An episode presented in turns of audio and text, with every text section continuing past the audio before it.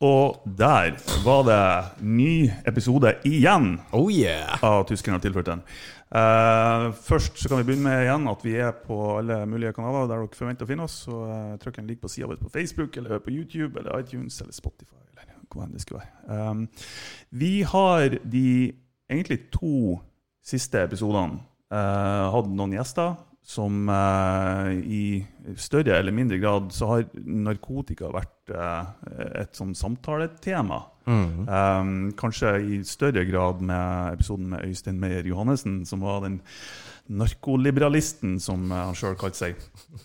Um, og faktisk før vi hadde de episodene, så, så hadde vi kontakt med en annen person eh, som er litt sånn i andre enden, litt i andre enden i hvert fall, eh, av hele narkotikamiljøet, kan man påstå.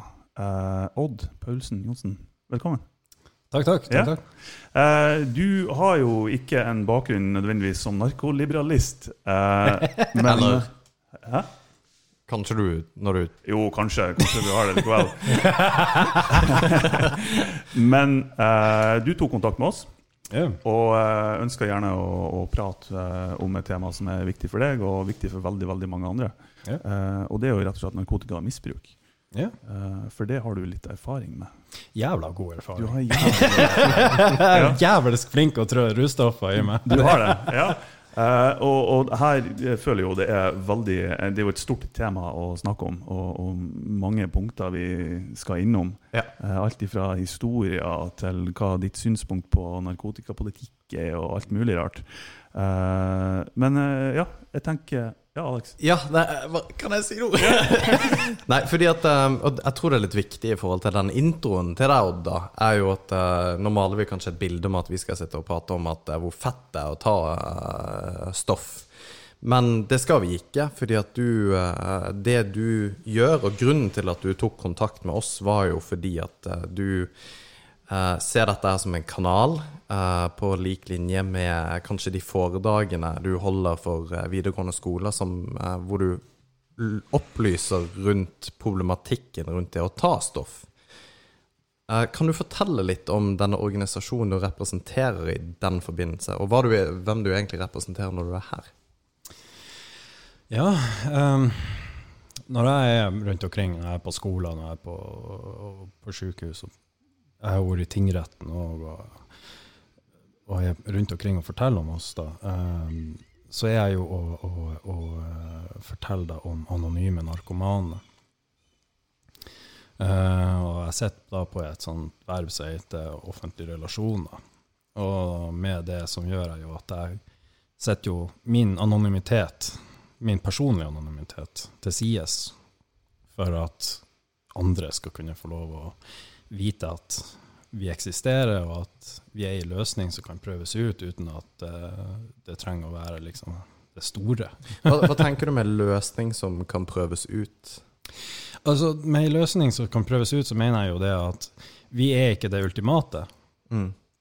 Men hvis du føler at du har lyst til å slutte med rus, f.eks., så kan du jo faktisk prøve å komme inn i vårt lokale, sette deg ned, og så kan du sitte og høre på. Og i mitt tilfelle, når jeg for på mitt første møte Nå skal det sies det at jeg fikk jo ikke med meg halve møtet, for jeg var jo dødsnervøs. Jeg trodde du skulle si dødsrusa. Nei, nei, nei, Men, eh, faktisk ikke. jeg var klar til å Jeg hadde, blitt clean på den tida, men eh, det var vanskelig å holde seg clean. Det var det. Det var utrolig vanskelig.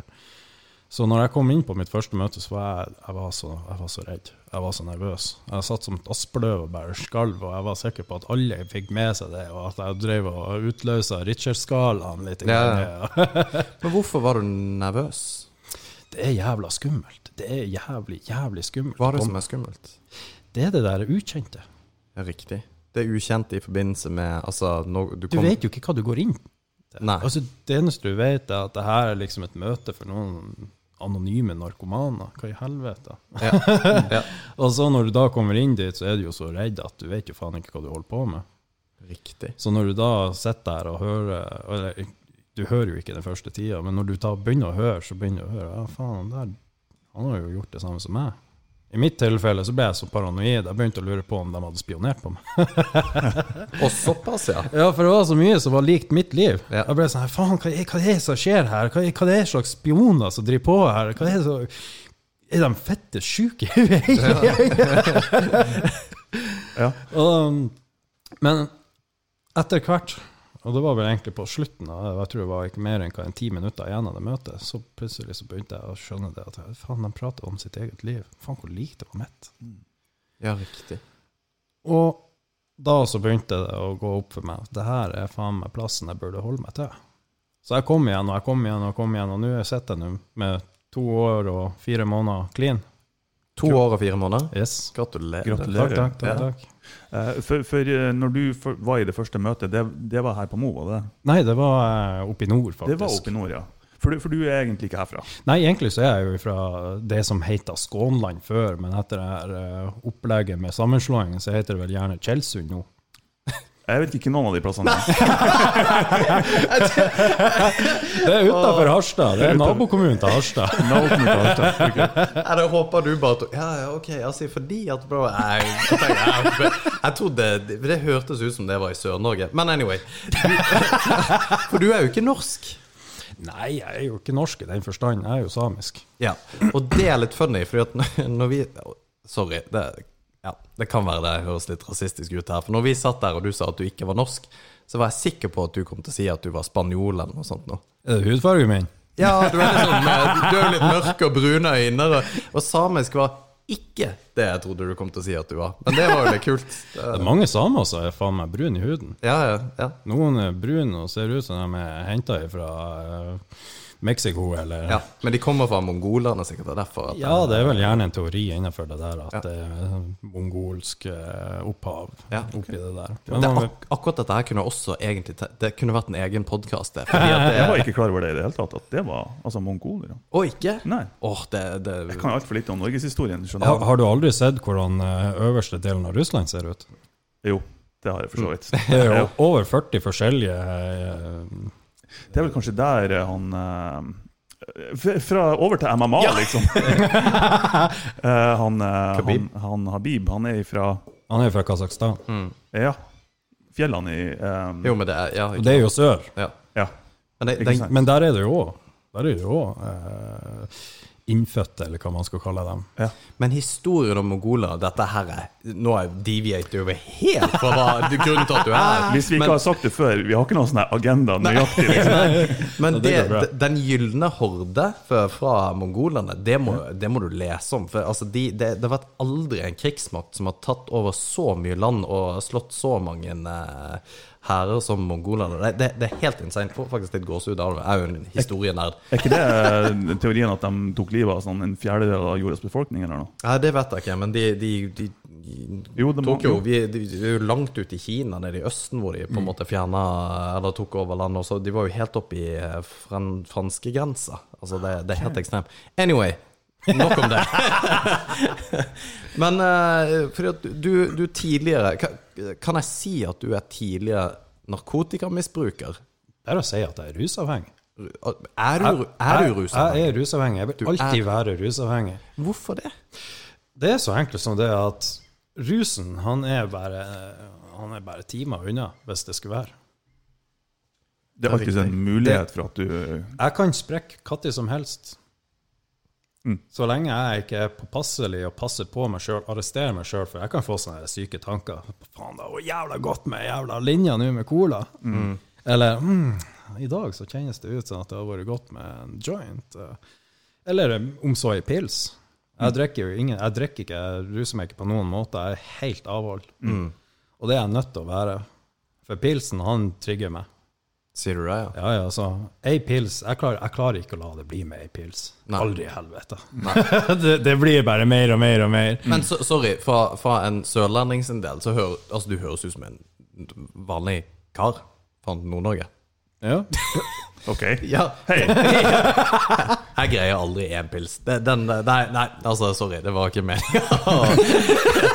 Men du, du har Altså, du, det er den avhengighetsgreia som på en måte sitter så sterkt i det der, at du, du rett og slett ikke Du greier ikke holde deg til én ting. Du greier ikke moderere deg sjøl med liksom bare ja, Moderere seg sjøl med litt cola blir kanskje litt drøyt, men altså det, det, det er dette her med Altså, du, du kan ikke utsette deg sjøl for det. da Så, da er, da, så du, du er rusavhengig. Det er det du betegner deg som, egentlig. Ja. Jeg blir, jeg blir aldri å slutte å være rusavhengig. Jeg vil alltid være rusavhengig. Er det tilfelle for alle rusmisbrukere? Ja. Sier du det? Altså, no, altså, var nytt. ja, nei, ja. Altså, I mitt syn, så ja, er du rusavhengig. Har du vært på eh, rus i lang, lang nok tid? Og det, er, altså, det kan jo om så være det at du har fått skrevet ut eh, Oxy fra legen. Oxycontin, og hva er det for noe? Oxycotton er jo en eh, opiod, eh, kan du jo si. Beroligende? Det er jo gjerne Det blir jo, blir jo gjerne brukt som smertedemping. Ja. Det er jo sånn kort fortalt legemiddelheroin. Ja. Rett og slett. Det er jo det, det er den beste forklaringa, faktisk. Jeg tenkte jeg skulle prøve å være litt mild. Nei da, vi, vi Det må det du ikke være her. Nei. Du må bare Der må du kjøre på, ja. Eh, Det, som han sier, det er legemiddelheroin. Er og det er altså. så sinnssykt. Der er så mange dokumentarer nå rundt bare Oxy alene, Mm. om hvor fucked up det er. For der er, der er hele byer i USA, f.eks. Florida, hele staten. Ja, det tar helt av. Ja. Det er så sinnssykt. Og når du plutselig blir kutta av fra den der driten der, hva du gjør? Jo, du må jo ha mer, for du ligger jo med abstinenser og svetter og pisser og skiter deg sjøl. Og du spyr og du skriker og du har det helt peise jævlig. Og så da, så, hva du finner ut? Jo, ja, faen, jeg må bare dra på gata og mykke meg noe. Hva, hva tar man da? Man vil jo gjerne ha den samme følelsen. Ja, Og det blir jo gjerne da i opiodfamilien at du går inn og Ja. eh, heroin eller noe sånt her.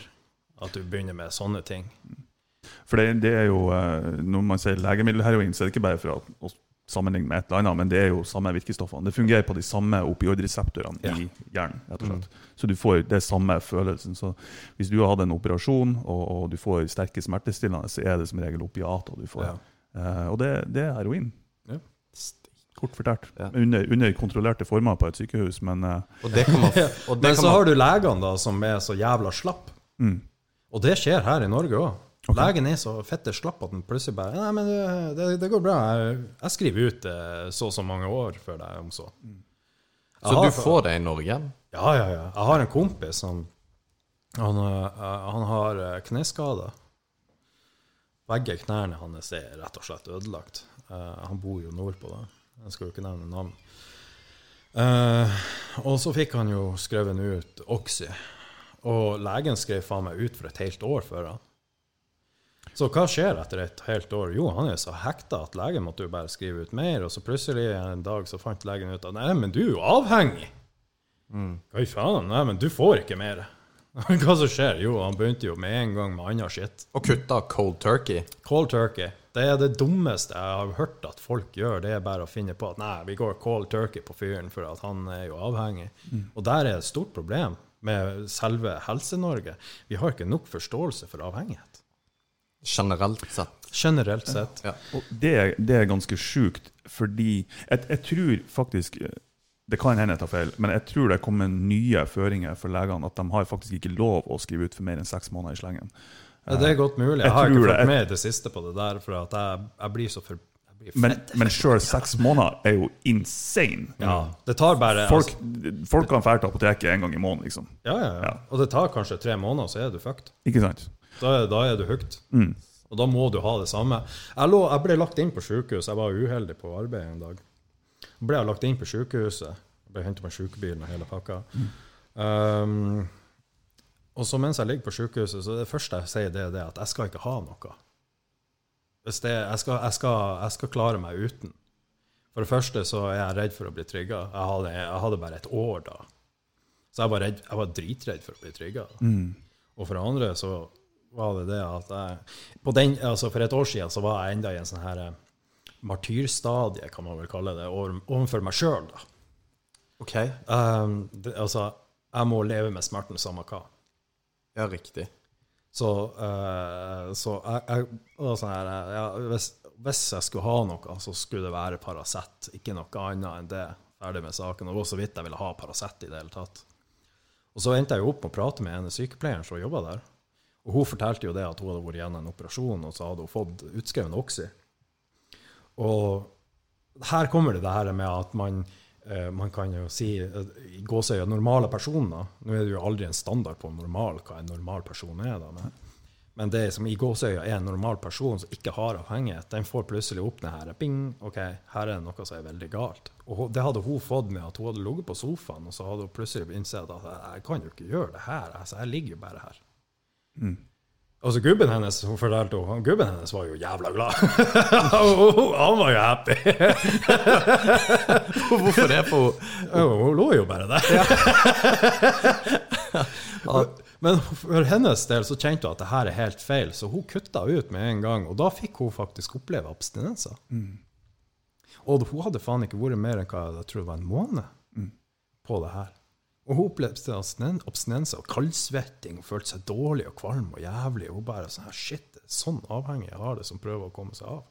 Dæven. det, det er, jeg syns det er sjukt skummelt sånn her, for um, hvis folk ikke er klar over det, uh, og det kan, du kan fortelle mer om det her òg enn meg, uh, men veldig mye av de smertestillende som man får utskreven til lege eller på sykehuset, hvis man hadde operasjon eller hva enn det skulle være, er jo opiatbasert. Ja. Eh, altså alt ifra tramadol, eh, alt ifra altså Paralgin forte eh, det, det er opiatbasert. Til og med hvis du drar til legen og får eh, har hoste, og du får eh, heter det, Kosilan ja, Det- ja, det er, òg det det- Det er kodein, og det er opiat, det òg.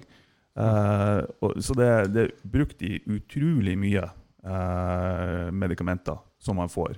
Og man kan liksom spøke av det litt, grann, at eh, jeg kan ikke drikke for mye Koslan, for da blir jeg litt surrete. Ja, det er en opiatrus. Det er en mild opiatrus du får. Det er faktisk det. Ja. Det er helt sykt òg. Jeg, har jo- jeg, har jo- jeg har jo venner som ikke ruser seg. Og så er jeg sånn her "Jeg- kan jo ikke ta meg øl i dag, det er jo onsdag. Men jeg kan ta meg en liten Kosilian. Mm. Hva faen?! Hæ? Ja, ja, ja, ja, ja. Det er sånn her det, det er lov å jukse lite grann. Ja, Ja, det, nei, man skal ikke undervurdere det der. Altså. Det, Nei, man skal ikke det. Det er helt sykt. Um, og, og det her uh, jeg holdt på å si- Jeg holdt på å si bruken, men misbruken, den Ja, Det starta tidlig. ja det starta jævla tidlig. Kan du fortelle litt om det? bare? Hva, hva var det som gjorde det? Hva, hvor, når starta det? Det starta da jeg var ni år. Jeg hadde veldig, veldig røff oppvekst. altså. Um, mye mobbing. Både pga. at jeg er same, og fordi at jeg var brun i huden. Så jævla mye mobbing, og det var mye slåssing og jævelskap. Så, uh, og på en måte kan man vel gjerne si det at det her, uh, det her fornorskninga hang vel gjerne litt igjen enda på 90-tallet og, og, og på, på, på tidlig, tidlig 2000-tallet. Mm. Trekk mikrofonen litt ned. Oh, ja. Så der, ja. Så, så det som var, var vel gjerne det at uh, Jeg kom hjem til Jeg kom hjem en dag, og, og, og, og jeg fant uh, Jeg fant vel gjerne jegerflaska til faren min i, eh, i, eh, nederst i skapet, da. Som niåring? Ja. Og jeg hadde jo ingen anelse på hva det var. Det hadde jeg jo ikke. Jeg tenkte jo ikke noe over det. Men så fant jeg ut at jeg hadde lyst til å smake på det. Så tok jeg meg nå en eh, sånn her fint lite glass da, med, med Jegermeister. Uh, og der var jeg solgt. Det var den opplevelsen. Altså, du er ni år, og det skal ikke mye til for at du begynner å merke ting. Men det som var så sykt, det var det at det her var, fikk- det her var faen meg løsninga mi for at jeg fikk en sånn form for frihet, og jeg fikk en sånn form for Jeg vet ikke hva man skal kalle det, egentlig, men det var bare en sånn Shangri-La. Husker du rusen Ja, jeg husker den enda den dag i dag. Så du fikk den da du var ni år, ja? Ja, det, krubler, altså det kribla i kroppen. Altså først begynte det å krible litt i magen, så bare spredde det seg utover. Jeg var sånn wow. Og så plutselig så fikk jeg den her altså Det føltes ut som hodet mitt bare var fritt. Ting som plaga meg, bare gikk litt sånn De bare tok litt avstand fra meg. Følelsene som jeg hadde som var dårlige. og Jeg hadde mye dårlige følelser på grunn av at jeg ja, Jeg fikk jo høre mye stygt om meg sjøl. Mm. Så, alle de her følelsene de bare tok avstand fra meg, og det var helt fantastisk for meg. Jeg bare sånn her, åh, deilig. Og ifra den tida av, altså det, det, det var jo ikke det verste tida. Altså, jeg, jeg gikk og stjelte nå og da ifra faren min. Og han la jo merke til det, men han trodde nok det var søstera mi som, som var skyldig i det. Jeg mener å huske at hun fikk kjeft av og til over at 'Faen, har du vært i jegerflaska mi?' um, og jeg hadde det jo ikke altså, heim, altså Familien min oppe i nord, de er ganske eh, De var dysfunksjonelle, kan man si. Det har blitt endra nå i det senere tid, så har vi blitt en mer sånn her funksjonell familie, kan man si. Det kan man jo. Men når du var ni år um, for, Det du forteller i et par setninger, det er så ekstremt mye å pakke ut her. uh, og, det, og det eksempel dette her med sånn som du sa, og nå føler jeg meg skyldig for min kommentar til å begynne med her. Nei, det det at- skal du ikke gjøre. Nei, nei, men det, det, fordi at det har ikke jeg tenkt på, og det, og det er derfor jeg elsker at vi får litt andre perspektiver på ting. Hvilken kommentar var det du tenkte? Nei, jeg sa jo at når han sa at han ikke var norsk Fordi at du oh, ja, har sånn ja, ja, ja. eh, For du har vært gjennom Du har på en måte vært gjennom mobbing på, på grunn av at du er samisk. Og, det, og det her skjedde på 90-tallet. Mm. Og det, det, det er jo ikke lenge siden i det hele tatt. Nei. Og oppå det så er du brun. Ja. Og det Og du har liksom fått double whammy, da, for å si det på en utrolig teit måte. Men det, du, du har liksom fått dobbel opp, og dette her opp. Men hvor, hvor, hvor var du hen i Norge når dette her skjedde? Jeg vet ikke om det er eh, viktig. Når du Nei, jeg var jo um, jeg, var, bo, jeg, bo, altså, jeg bodde da på eh, en plass som heter Sandstrand. Ja, og det er Det er jo det er utafor Harstad. Det, Ja. det er times tid fra Harstad. Liten, liten plass. En liten plass, ja.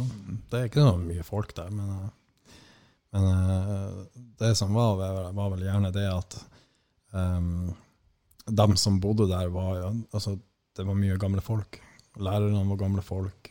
Og uh, så er det jo det at jeg, jeg er fra det som heter Sandmark, som er fjellandsbygd.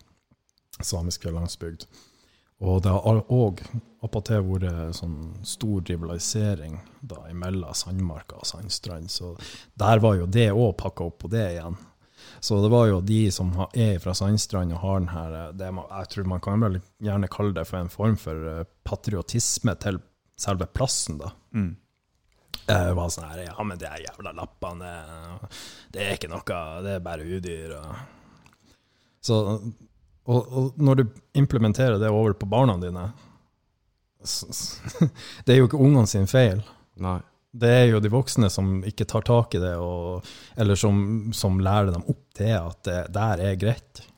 Så Hva slags mobbing var det du eh, opplevde?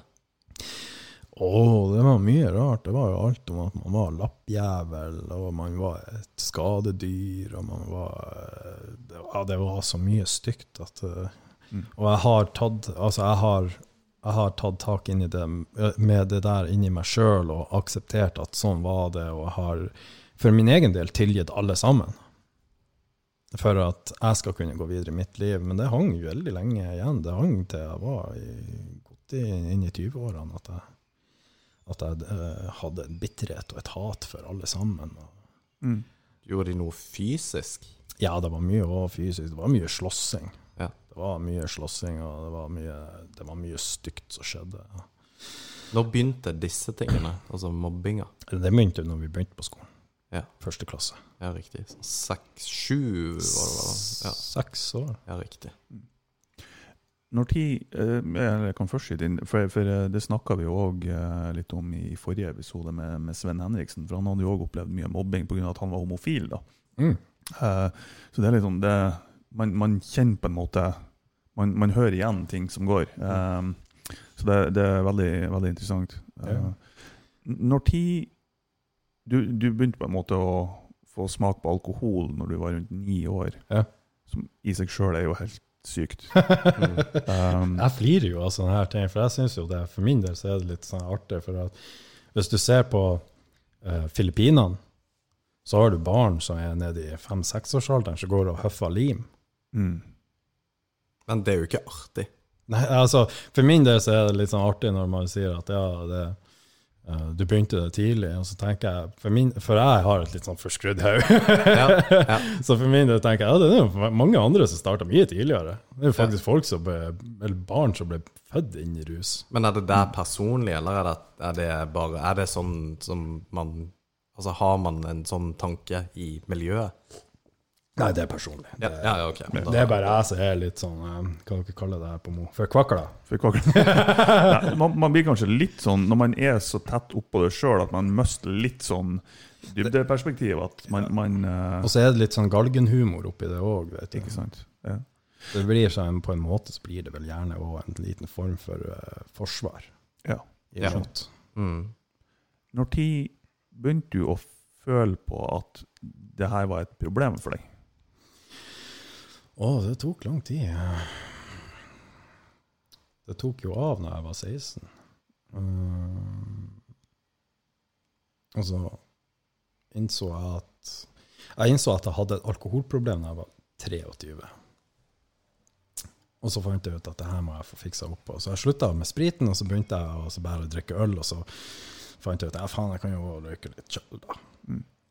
Og Og for dem som ikke vet det, tjall, hasj. ja, hasj. hasj.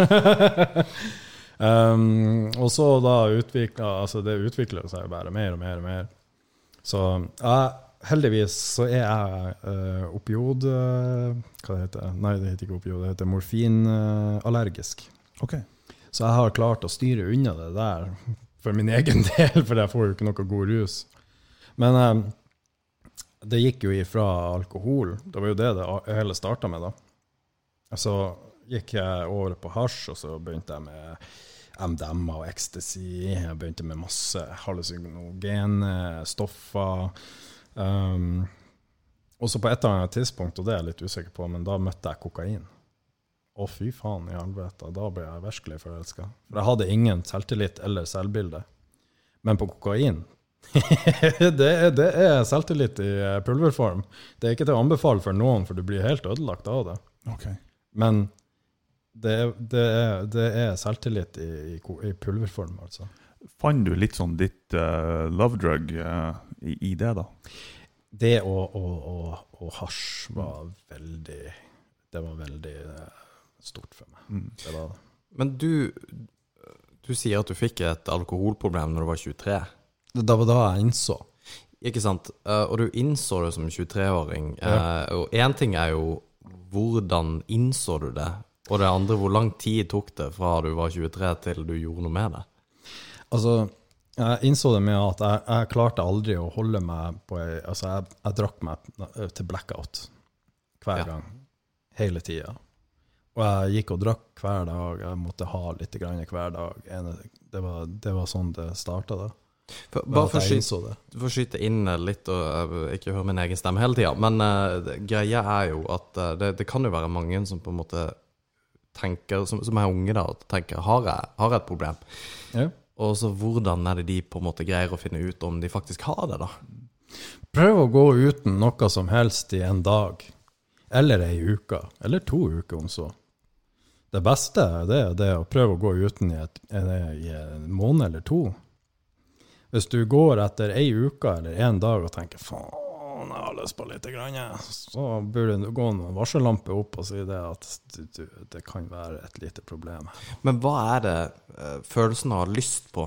Sorry, Martin, du må bare skyte Nei, nei, nei, jeg, jeg, jeg trives med å høre på det. For den, den følelsen man har lyst på, ikke sant At jeg kan jo jeg kan jo gå rundt og tenke at eh, jeg er jo sjukt, sjukt glad i donuts. Men jeg kan ikke ete donuts hele tida, for da, da blir jeg jo tjukk. Men den der, følelsen på at jeg har lyst på en øl, den kan jeg få. Ja. Steike nå.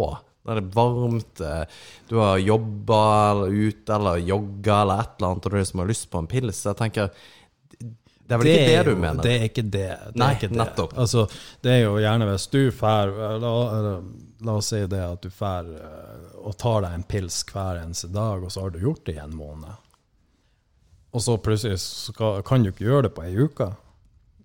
Men dagen etterpå, så når du har tatt din siste øl, så kjenner du på et sånt dragsug, og du begynner å vurdere faen skal jeg gå på butikken og kjøpe meg en sekser eller to.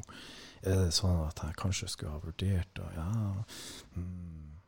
Og så begynner du å, å, å handle på de her tankene. Da er det Ja, riktig. Da er, da er det noe som burde gå opp for deg, at her er det, her er det noe som er, er på tur å gå i feile veien. Altså, her er det noe som ikke er helt bra. Mm. Og, gjerne, altså, og det som er med avhengighet i seg sjøl, er jo gjerne det at man vil jo uh, sette kork på, uh, på følelsene sine. Man vil ikke kjenne på følelsene sine. I hvert fall ikke de negative. Og hvis du har en positiv følelse, så vil du gjerne ha litt innpå for å spike it up. Tror, tror du at avhengighet eh, i seg sjøl er, er det genetisk? Er det miljøskapt? Er det, hva, hva tenker du om det? Eh, jeg tror det er både òg. Ja. Jeg vet at jeg vet at det er folk som faktisk har De har aldri, aldri hatt problemer med alkohol. Aldri. De kan ta seg ei pils, og så drar de hjem fra byen. Og så har de Og da går vi litt tilbake til Oxida. Så har de eh, vært utafor ulykka, og så har de da måttet få Oxy. Og da blitt avhengig. Så det er litt sånn her eh, Det er litt både og. Jeg vet at du, du kan dra til Sverige og ta en gentest for å sjekke om du har et sånn her avhengighetsgen, tydeligvis. Ok. Så det er litt sånn her att og fram, og det, det er, mye- det er begynt å bli mer og mer forskning og mer og mer fokus på avhengighet, for det er så steike mange som blir det. Ja. Og det er så mange forskjellige avhengigheter. Altså, du har jo ikke bare rus. Du har jo alt mulig rart. Det er jo folk som har matavhengighet, som trør i seg mat, som det gjemmer etter og blir ekstremt overvektig. Og så begynner de å lure på hva i helvete var det som skjedde. Og så blir de lei seg for at de er overvektige, og så må de trø mer mat i seg, for de vil, vil, vil putte kork på det her at de er lei seg.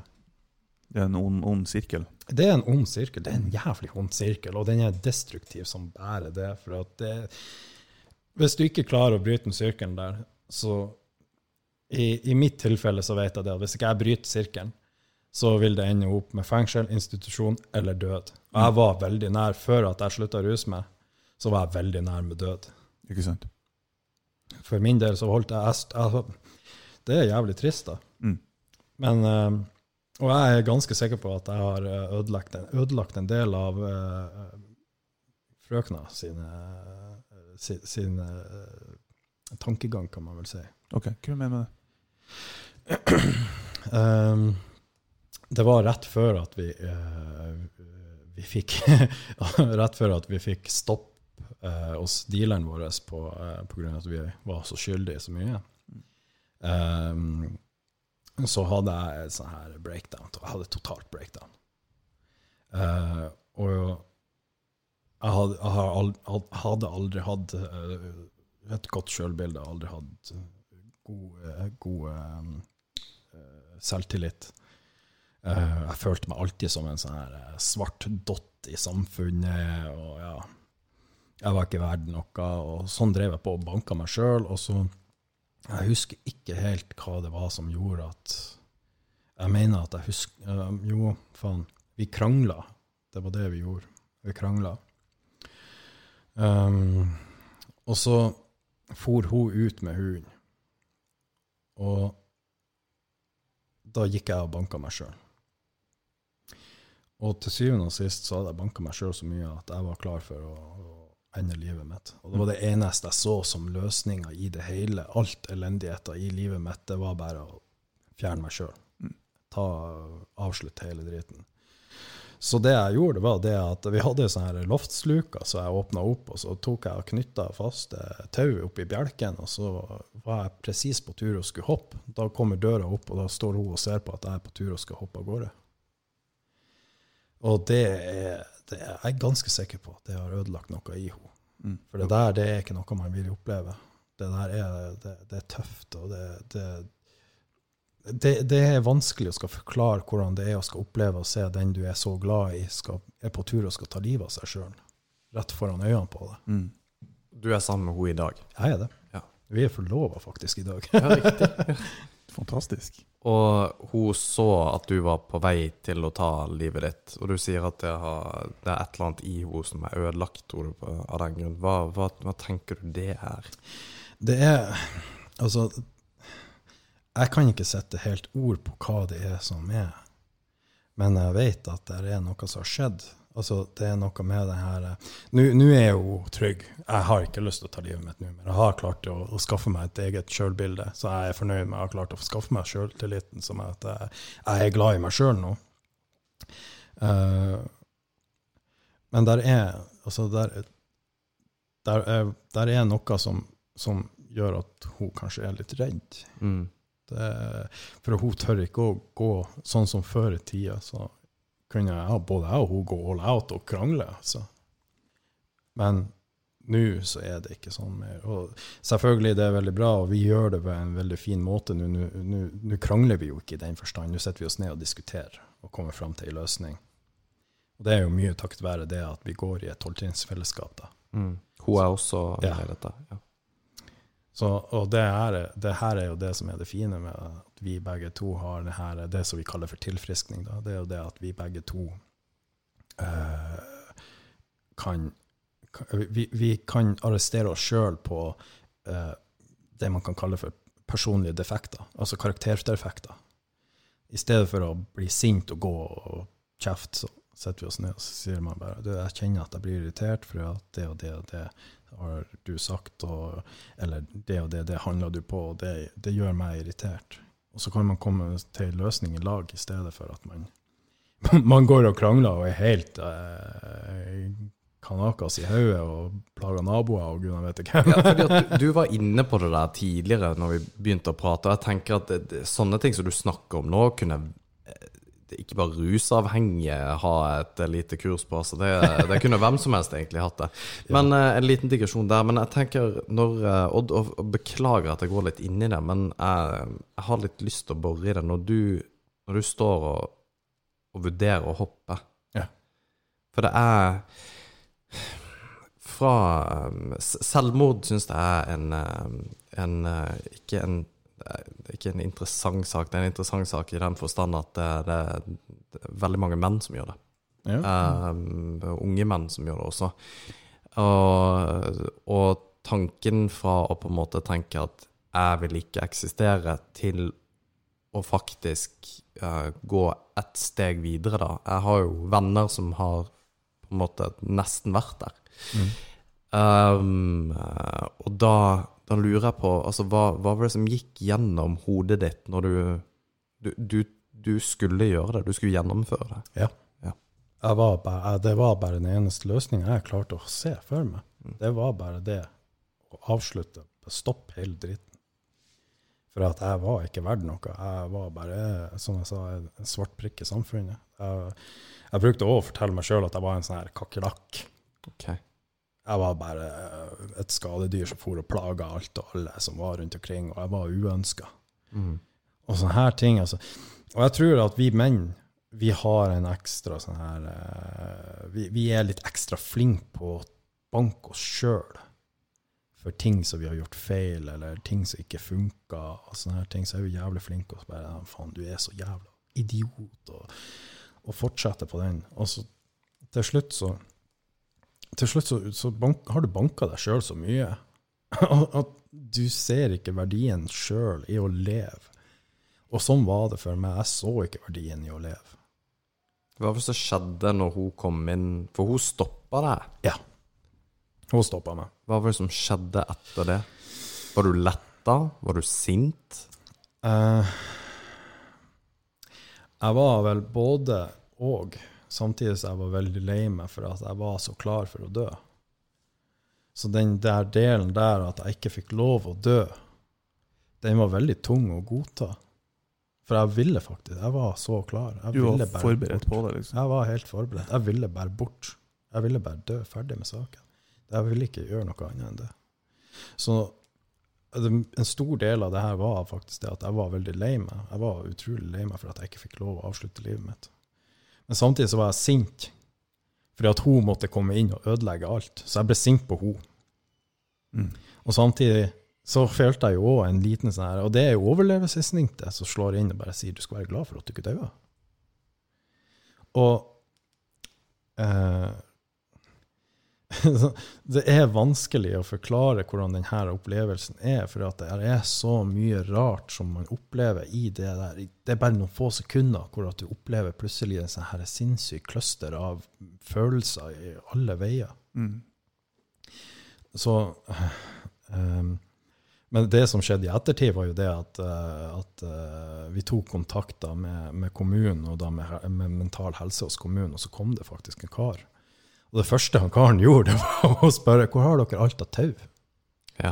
Ok. Så han tok med seg alt av tau vi hadde i hele huset. Alt sammen. bare Og der begynner han å le. seg. Det, det, ja, Det er galgenhumor. Ja, det er en liten sånn beskyttelse. Jo. Galgenhumor, så det, er jo, det kunne ikke vært et ord som var bedre. enn. Faktisk. Du, um, har det Det er nesten et farlig spørsmål, men har det kommet noe positivt ut av noe av det her? Mye positivt. Enten misbruket, eller at du har blitt eh, Nå skal jeg være litt sånn fluffy, men at du har blitt bedre kjent med deg sjøl, eller fått et Ja. tettere forhold til familie, eller hva enn det skulle være. Alt. Mm. Altså, jeg kjenner meg sjøl bedre enn hva jeg noensinne har gjort nå. Jeg vet hvem jeg sjøl er. Jeg vet at når jeg får en dårlig følelse, så kan jeg faktisk leve med den følelsen nå. Jeg vet, jeg, altså, jeg, jeg vet mitt eget tankemønster, til og med. For det er sånne her ting jeg blir kjent med via at jeg jobber de her trinnene som er i det tolvtrinnsprogrammet. Der går det liksom alt, av de her trinnene de går på deg og hvem du er, hva du har gjort, hvordan du fungerer karakterdefektene dine, alt sånne her ting. Det går bare rett inn på det. Og så er det også så fint med at de trinnene her, de er òg sånn at uh, jeg skal liste opp en haugevis av folk som jeg har gjort skade. Og der er jæklig mange jeg har gjort skade imot. Ikke bare familie og venner, men også folk som jeg bare har møtt to-tre ganger, har jeg gjort skade imot. Så det som er òg i de her trinnene, det er at jeg går ut da, etter å ha lista opp, så ser jeg an hvem er det jeg kan faktisk fære til, så jeg ikke blir å skade med å plutselig komme på døra og Hallais! Hvor at de plutselig blir sånn Shit! Mm. Den psykoen der her nå? Uh, så det er jo det, at da kan jeg da fære, og så kan jeg gjøre opp for meg sjøl. Og da mener jeg med å gjøre opp for meg sjøl, har jeg høsla noen for 20 000, så må jeg spare opp 20 000, for så å fære og si du, unnskyld for at jeg høsla det. Og det, eh, jeg angrer så på det. Jeg er ikke den personen nå mer.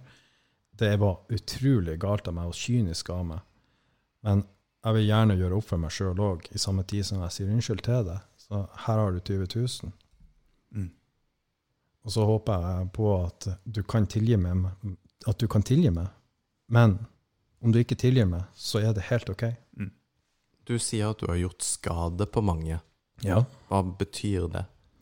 Det betyr alltid fra psykisk, psykisk skade til fysisk skade. Ok, hva, Kan du gi et eksempel på fysisk og psykisk? Um, skal vi se Der er veldig mange. Jeg skal prøve å unngå å inkriminere meg selv for mye. Ja. Si det. Ja.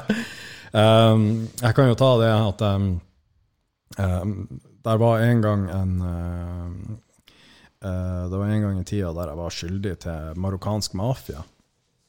Uh, jeg var skyldig over 50 000 til dem. Og da var jo spørsmålet liksom hvordan skal vi løse det her? For de hadde egentlig lyst til å knekke beina på meg. um, så det som endte opp med, var det at ja, men jeg, jeg fant ut at jeg, jeg kan, fære og hente inn penger for dere, og så får jeg jobbe sånn for å betale ned gjelda. Som en torpedo, rett og slett. Rett og slett. Ja. Rett og slett som en torpedo. Mm. Uh, og da for jeg jo til folk som, eh, som har prøvd å deale for dem, og så funka det ikke. Og da drar jeg inn, og så har jeg hatt med meg forskjellige ting og måtte gjøre vold, Mm. rett og slett. Uh, og det, det er jo noe jeg må leve med i dag. Jeg har dårlig samvittighet, og jeg angrer som faen på alt det jeg har gjort. Men i desperasjonen, i rusen, så brydde jeg meg ikke. Var, var, det var bare å trø i meg litt ekstra rusmidler, og så tenkte jeg ikke på at ja, men det her er faktisk Det, det er moralsk feil. Det er feil på alle måter å skal gjøre det her. Så, og sånne folk kan jeg mest sannsynlig ikke fære til og si du, jeg beklager så mye. For det vil mest sannsynlig gjøre deg mer skade. Med at jeg plutselig trapper opp på den døra og sier det, beklager for at jeg ødela eh, kneet ditt. Mm. Det var ikke med meninga. Har du gjort det? Jeg har gjort det, ja. Ødelagt knær til noen som Ja. skyldte penger? Ja. Dessverre. Og det, og det er sånne her ting jeg må leve med. Og jeg har jo altså jeg har akseptert at jeg har gjort det. Men skyldfølelsen er like forbanna stor. Mm. Altså, Den er akkurat sånn som den var dagen etterpå, når jeg ikke hadde rusmidler i kroppen og kjente på faen, hva er det jeg har gjort? Det her er, det, det her er lavmålt av deg, Odd. Hva er det du tenker med, egentlig? Men så trødde jeg jo i meg rusmidler igjen, og da var jo alt glemt. Mm. Så Så rusmidler i seg sjøl eh, trumf, egentlig. Det overgår egentlig alt av verdier og etikk og moral Ja. som man har som menneske. det, det knuser jo alt. Det, altså, det er jo det er helt sinnssykt, men du blir, helt, du blir bare helt idiot. Du blir bare helt Om man skal si det på godt nordnorsk fette steike gallen. Men du, du eh, Fordi at du, du eh, angrer på det, sånn som du sier, og, og med det fysiske, da. Um, det er bare jævlig interessant fra personlig Ja, jeg. Ja, fordi at jeg jeg, jeg, jeg, jeg greier ikke Fordi at jeg, vi har, vi har stått og prata med deg nå en liten stund. ikke sant? Du virker Ja. som en hyggelig fyr. Vi, vi har prata om både det ene og det andre, om familier, og om gode ting. Ja. Uh, og så har du en sånn ekstremt mørk side av deg, Ja. ehm, som må være på en måte både, på, både med deg sjøl i forhold til ditt selvbilde, men også den mørke siden på hvem du har gjort mot andre. Det, det er jo en annen person, nesten. Det er, det er en helt annen person. Det er det, ja. det. Og nå skal jeg ikke si at jeg er skitso, da, men, Nei, nei, nei. nei men når jeg ruser meg, så blir jeg en helt annen menneske. Jeg er ikke den som sitter her nå, da. Ja. Jeg blir en helt annen person. Jeg blir en sånn her eh, sinnssykt desperat person som det eneste jeg gjør, det er å, å rett og slett bare fucke opp rundt meg. Jeg, det eneste jeg gjør, det er å dra kaoset med meg, og helst elte litt kaos der og litt kaos der, sånn at jeg kan fære dit, og så føler jeg på en sånn For det er det som er så sykt òg med å være rusavhengig, det er det at kaos er trygt. Og hvordan jeg, altså Den dag i dag så klarer jeg ikke helt å forstå hvordan jeg klarte å finne kaos som trygghet. Nei, men Nå, jeg- nå er det sånn at A4-liv det er helt perfekt for meg. Altså stå opp, spise frokost, gå på skolen, komme hjem, spise middag, se på TV, klippe plenen, rake plenen, you name it. Gå og legge seg. Perfekt. Men man, man sier det, at man, det, det er en frihet i disiplin. Ja. Um, og det er det, når du uh, på en måte Når ting er planlagt, på en måte. Ja. Men hvor, har du PTSD? Det har jeg. Mm. Det har jeg.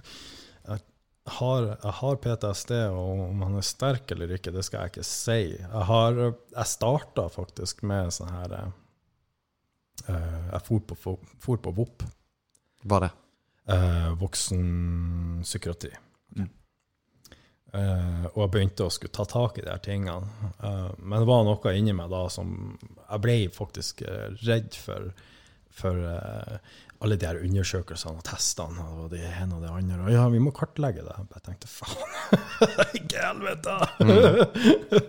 så på et eller annet tidspunkt så ble jeg bare redd og slutta det, men jeg har jo planer om å ta det opp igjen, for her er ting som jeg, altså Når jeg ligger og sover, så kan jeg ha sånne her flashback-strømmer fra både barndommen og fra de tingene jeg har gjort i rusen.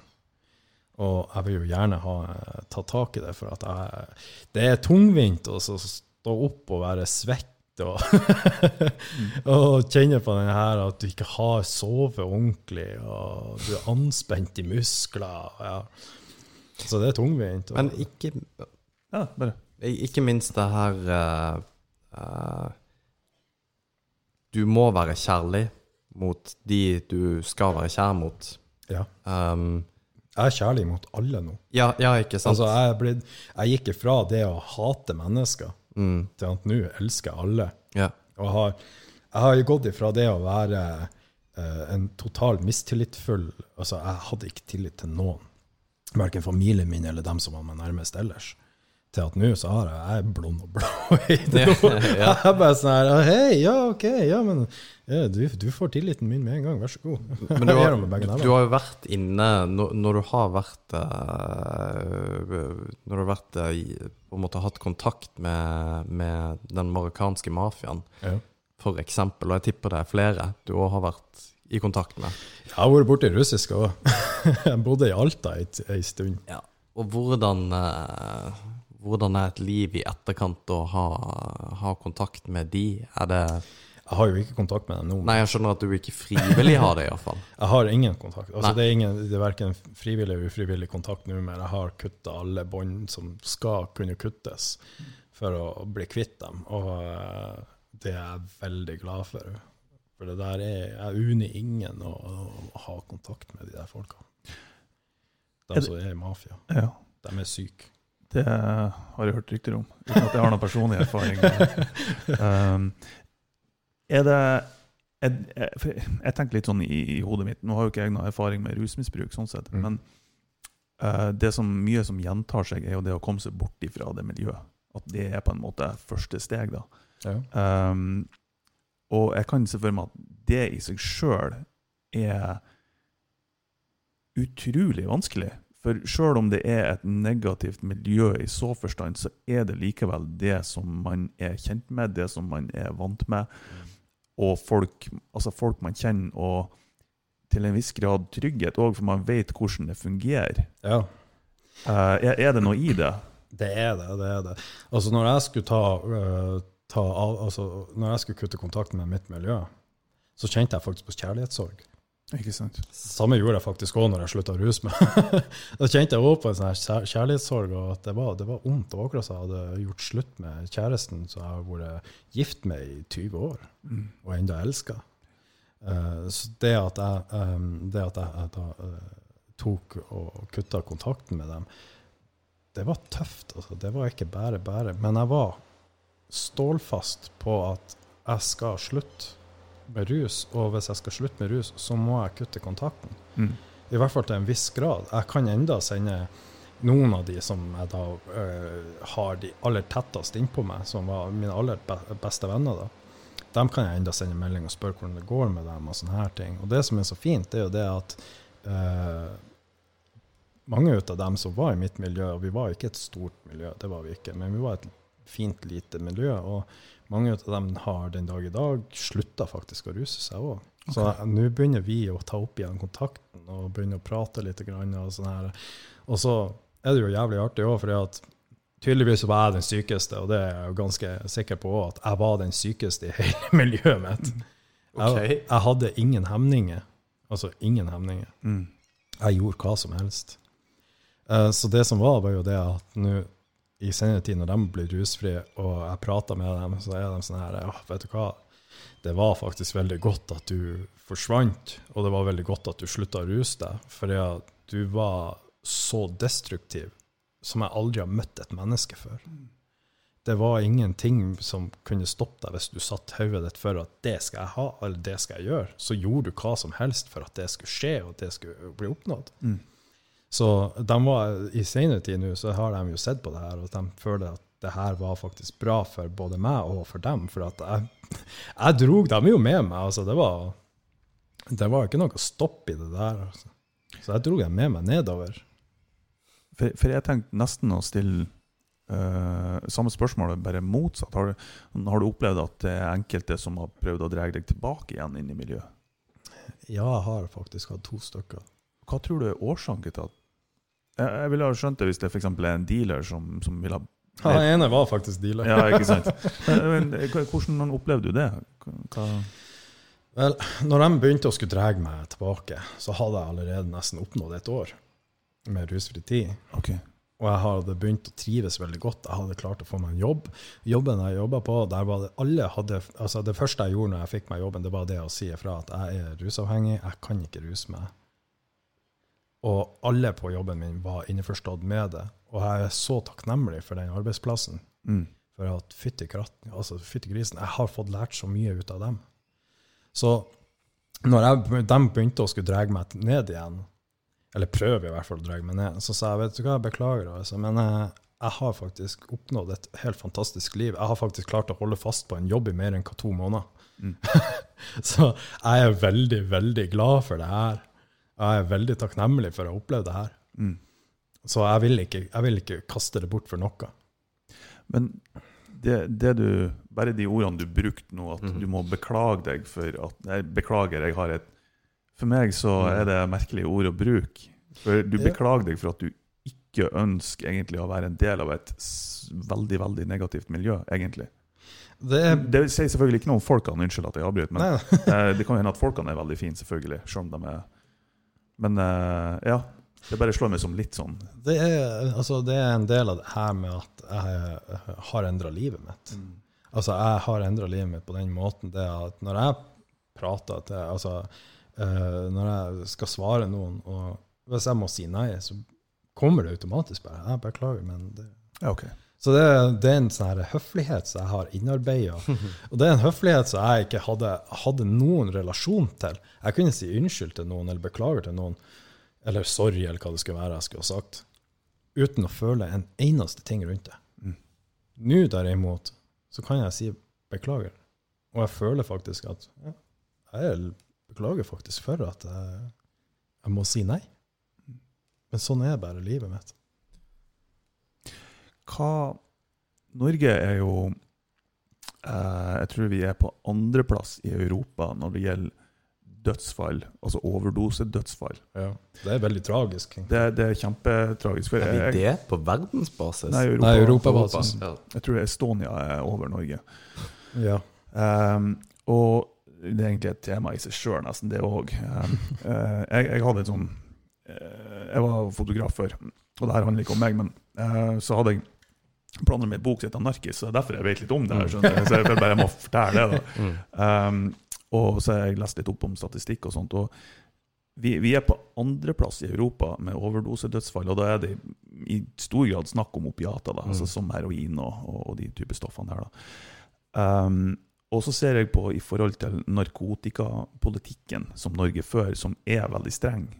Ja. Eh, I hvert fall i forhold til en del andre land. Og, og eh, altså Man ser jo USA åpner jo mer og mer opp. Og, eh, ja, men USA er enda fremdeles veldig streng. de, på føderalt Altså, nivå så er de veldig Ja, strenge. på federalt nivå og federalt nivå, de tar jo og trumfer alt. Ja, det, så det er jo der, der, der er det jo et problem, egentlig. Men Mm. der er så mye altså, Når det kommer til narkotikapolitikk, og det her bør jeg faktisk si Mm. Jeg og kjerringa mi vi prater aldri om narkotikapolitikk. Nei. For at hun er, hun er totalt imot. Hun tenker det at alkohol burde jo gjerne bare bli bannlyst Mm. for alt man bryr seg. Jeg derimot, jeg står for den der at det vi burde gjøre, det er egentlig å prøve å ta kontroll over det her nå. Altså, ser, og det er grunnen til det er fordi at jeg har hatt den her at jeg har sett ut på de andre landene. Jeg ser på Amsterdam, nei, Amsterdam, hør nå, Nederland, jeg ser på Portugal. Og, og på de andre landene som begynner å, å, å, å eh, åpne opp for at i stedet for at vi skal begynne å fengsle mennesker som har et rusproblem, så burde vi åpne opp for å begynne med kjærlighet, forståelse, og det å, å faktisk ta og gå stegene i lag med personen i stedet. For av og til så kan det være veldig vanskelig, og det her vet jeg sjøl, det er veldig vanskelig å stå alene i det og skal bli rusfri. Men når du har noen andre å gå i lag med, så blir alt mye enklere. Det er en av de store grunnene til at jeg går i et tolvtrinnsfellesskap. Det er faktisk fordi at jeg klarer ikke å holde meg sjøl alene rusfri. Men hvis jeg har andre som jobber på samme måte, og jobber imot det samme målet, så går det så mye enklere. Mm. Hva, så, eh, hvis jeg forstår deg rett, så, så, så tenker du at det er en bedre lovgivning mot, eh, innenfor narkotika er eh, å, å behandle det som en sykdom og ikke en kriminalitet? rett og Ja, altså av, Avhengighet er jo faktisk blitt registrert som en sykdom i Norge. det, ok. Så hvorfor i alle dager skal vi ikke kunne da bare begynne å behandle det som en sykdom, i stedet for som noe kriminelt? Og nå skal det sies det at tingretten og dom, eller domstolene i Norge har begynt faktisk å bli mer liberale på det her. Okay. Det er begynt å opp, eh, altså, de har begynt å forstå det at å fengsle en person, det vil ikke hjelpe i det hele tatt. Har du en avhengighet, så vil du ha den avhengigheten. Men det vi kan prøve på, det er jo det å faktisk hjelpe personen til å ville ønske å slutte å bruke rusmidler. Og det er jo faktisk det største. Hvis du ikke har lyst til å slutte, så blir du ikke å slutte. Det hjelper ikke om du tvinger noen. Du kan ikke tvinge noen i 20 år om så. Så med, en gang du slipper det der taket på eh, tvangen, så er personen rett ut igjen. For uh, jeg vil dra det litt til uh, egentlig årsaken til også at du tok kontakt med oss, og, og hva, altså, hva du gjør til, til yngre garden av menneskene. Ja. Uh, for du fortalte jo at du kunne stå i en klasse, så kunne du spørre hvor mange er det som har foreldre som ruser seg, Ja. og, eller som har rusproblemer, Ja. og halvparten rekker opp hånda. På videregående. Og det, det har du oppe flere ganger. ja. Og så spør du om kjenner du noen som har uh, rusproblemer, og så rekker alle opp hånda, uh, Ja. som regel. da. Hva, altså, du, du får jo det veldig tett på kroppen, hva unge som sliter med dette her, og sliter som eh, I og med at du ble dratt inn i det så tidlig, så er det også Vi må jo ta For å bukte på problemet, så må man ta tak i disse, disse tilfellene så tidlig som overhodet mulig, da. Ja. En stor del av det å kunne få ta tak i det Altså, nå, altså en, Når det kommer til 16-17-åringer, så er det kult. Det er så tøft. Ah, faen, poppe ei pille med MDMA, og så blir vi litt kokt i hodet. Ja, det er jo For dem er det kult. Men på et tidspunkt så vil ikke det være kult mer. Men for veldig, veldig, veldig mange, og det her er egentlig majoriteten av dem som har en avhengighet, så er det gjerne det at man ikke klarer å prate om følelsene sine. I, i hovedsak så er avhengighet en følelsessykdom. Du klarer ikke å akseptere følelser, du klarer ikke å handle opp med følelsene dine, og dermed så bruker du da mat, rusmidler, sex, porno, you name it. Spilling til og med. For å kunne eh, legge lokk på den, da. Mm. Sette i kork på følelsene. Eh, så, og der er det jo eh, det her er jo faktisk et tips jeg kan gjerne gi til foreldre. Prat med ungene dine om følelsene. Vær ærlig. Og er ungen din forbanna, la ungen din få lov å være forbanna. Selvfølgelig ikke la ungen din få lov å destruere huset, men la ungen få lov å slippe ut sinnet sitt. Er ungen lei seg, ikke stopp ungen ifra å skrike. La ungen skrike. Vær så god, skrik, få det ut. Hold rundt ungen din. Vær kjærlig.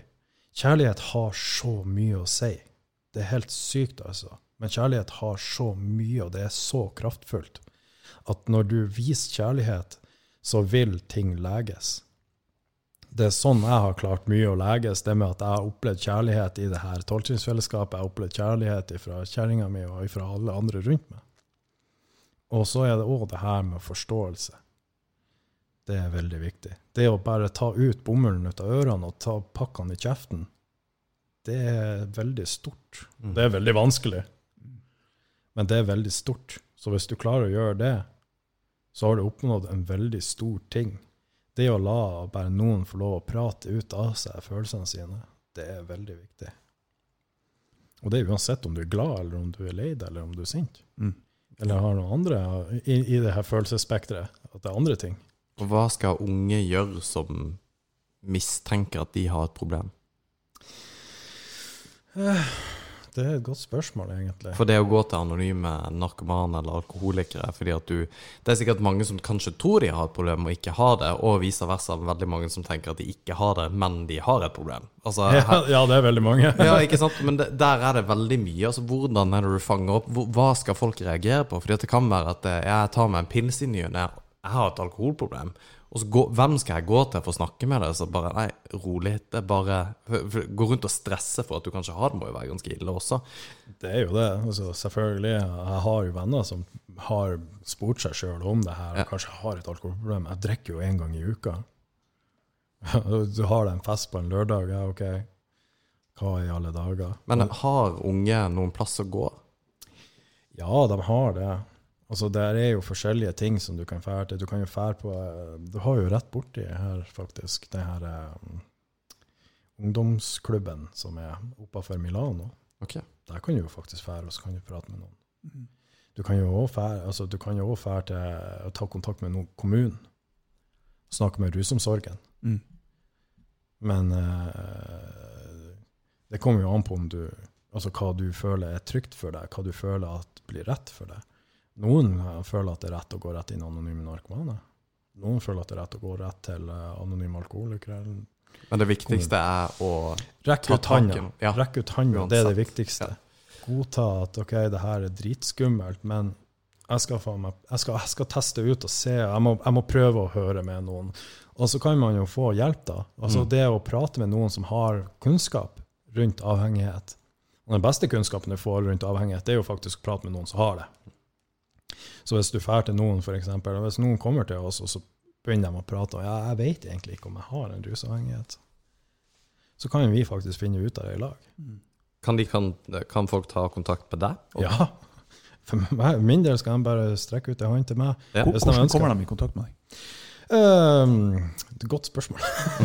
jeg har et telefonnummer, så hvem som helst kan ringe meg for å spørre. Har dere nettside eller noe sånt? Så. Eh, i, ja, Anonyme Narkoman har ei nettside, vi har ei Facebook-side, og vi har òg et telefonnummer som man kan ringe òg, Mm. for å kunne prate med noen. Jeg tror det er det lureste. hvis Det er vi jo det aller lureste. Det er det jo. Ja, hvis vi deler telefonnummeret ditt. Ja. Det kan jeg hende jeg får jækla mye telefoner plutselig. ja. Uh, ja. Jeg kan jo gi deg det etter, etter denne podkasten. ja, det tenker jeg å gjøre. Jeg tenkte faktisk å eh, Jo, vi ser det med en gang, for nanorge.org er nettsida. Ja. Og- Skjønner jeg hva du har på armen din? Å ja. Den. Ja, faktisk. Det ser jeg òg nå. Han har tatt logoen til NA Norge på eh, armen sin. ja Kult. det, Eh, for de som uh, lurte 9052 93 59 er telefonnummeret til NA Norge. Ja. Så da kan de eh, ta kontakt, eller telefon etter nanorge.org. Så har vi fått det ut. Veldig bra. Mm. Du Odd, ja. det her var um, uh, Vi kunne ha prata med deg mye lenger. Um, og jeg kjenner også Jeg har masse, masse spørsmål. Um, men jeg tenker at det, ja, det skal vi ta Vi, vi har alltids mulighet for å få tilbake gjester igjen. Så, Ja, ja. eh, Det, ja, nei, vi er utrolig takknemlige for at du deler de historiene. Mm. Eh, for det, vi har snakka litt om det å, å kunne dele på, på følelser, både negative og positive. Ja. Eh, og det har jo du i høyeste grad eh, gjort i, i dag, så det tror jeg mange setter pris på, lytterne våre òg. mm. Jeg håper det. Eh, Jeg og håper at jeg kan hjelpe noen med det her. det, det håper jo jeg òg, og, og det er jo òg en av grunnene til at vi ønsker å ha deg på. Eh, hvis det er sånn at man kan hjelpe, om så var bare én person, så Ja, ja, det er nok. da er det verdt det. Mm. Det er en veldig fint prinsipp å ha, eller en Mm. verdi. Det å kan du hjelpe ett menneske, så er det godt nok. Men det Det er er tøft av deg, altså. Det er noe jeg lever etter, Ja. faktisk. Det er det at kan jeg redde et menneske fra avhengighet, så kan jeg faktisk dø den dagen jeg skal dø, Mm. med god samvittighet og vite det at jeg har klart å gjøre ett menneske godt. Mm. Så det er en del av min sånn her eh, Hva man skal kalle det. det. Det er en del av min sånn her eh, Sånn livsfilosofi, egentlig. Ja, på en måte kan man jo også kalle det livsfilosofi, men det er en del av det med at jeg skal gjøre opp for alt det jeg har gjort. Ah, okay. Ja, selvfølgelig. Alle det negative jeg har gjort. Altså, jeg har jo vært, eh, jeg har jo vært på den andre sida. Jeg har vært på den mørke sida, og jeg har gjort så mye stygt og jeg har gjort så mye dumt. Og jeg har skada alle, alle rundt meg på en eller annen måte, Mm. om det er fysisk eller psykisk. Så det at jeg nå da eh, prøver å, å, å i det minste hjelpe ett menneske, det, det er liksom min måte å botgjøre. Jeg vil jo gjerne hjelpe hele verden, Ja, ja. også. men jeg får jo ikke til det. Nei, Men at jeg kan gjøre i hvert fall med ett menneske, det er det viktigste for meg. veldig bra. Og det, det håper jeg tror du har gjort det, Odd. Du, tu, vil du si noe? Nei. Tusen, tusen hjertelig takk for at du har delt historien din. Det mener jeg, det, det, det er tøft av deg. Ja. Eh, det setter vi veldig pris på. det. Ja, jeg skulle til å si det samme. så det.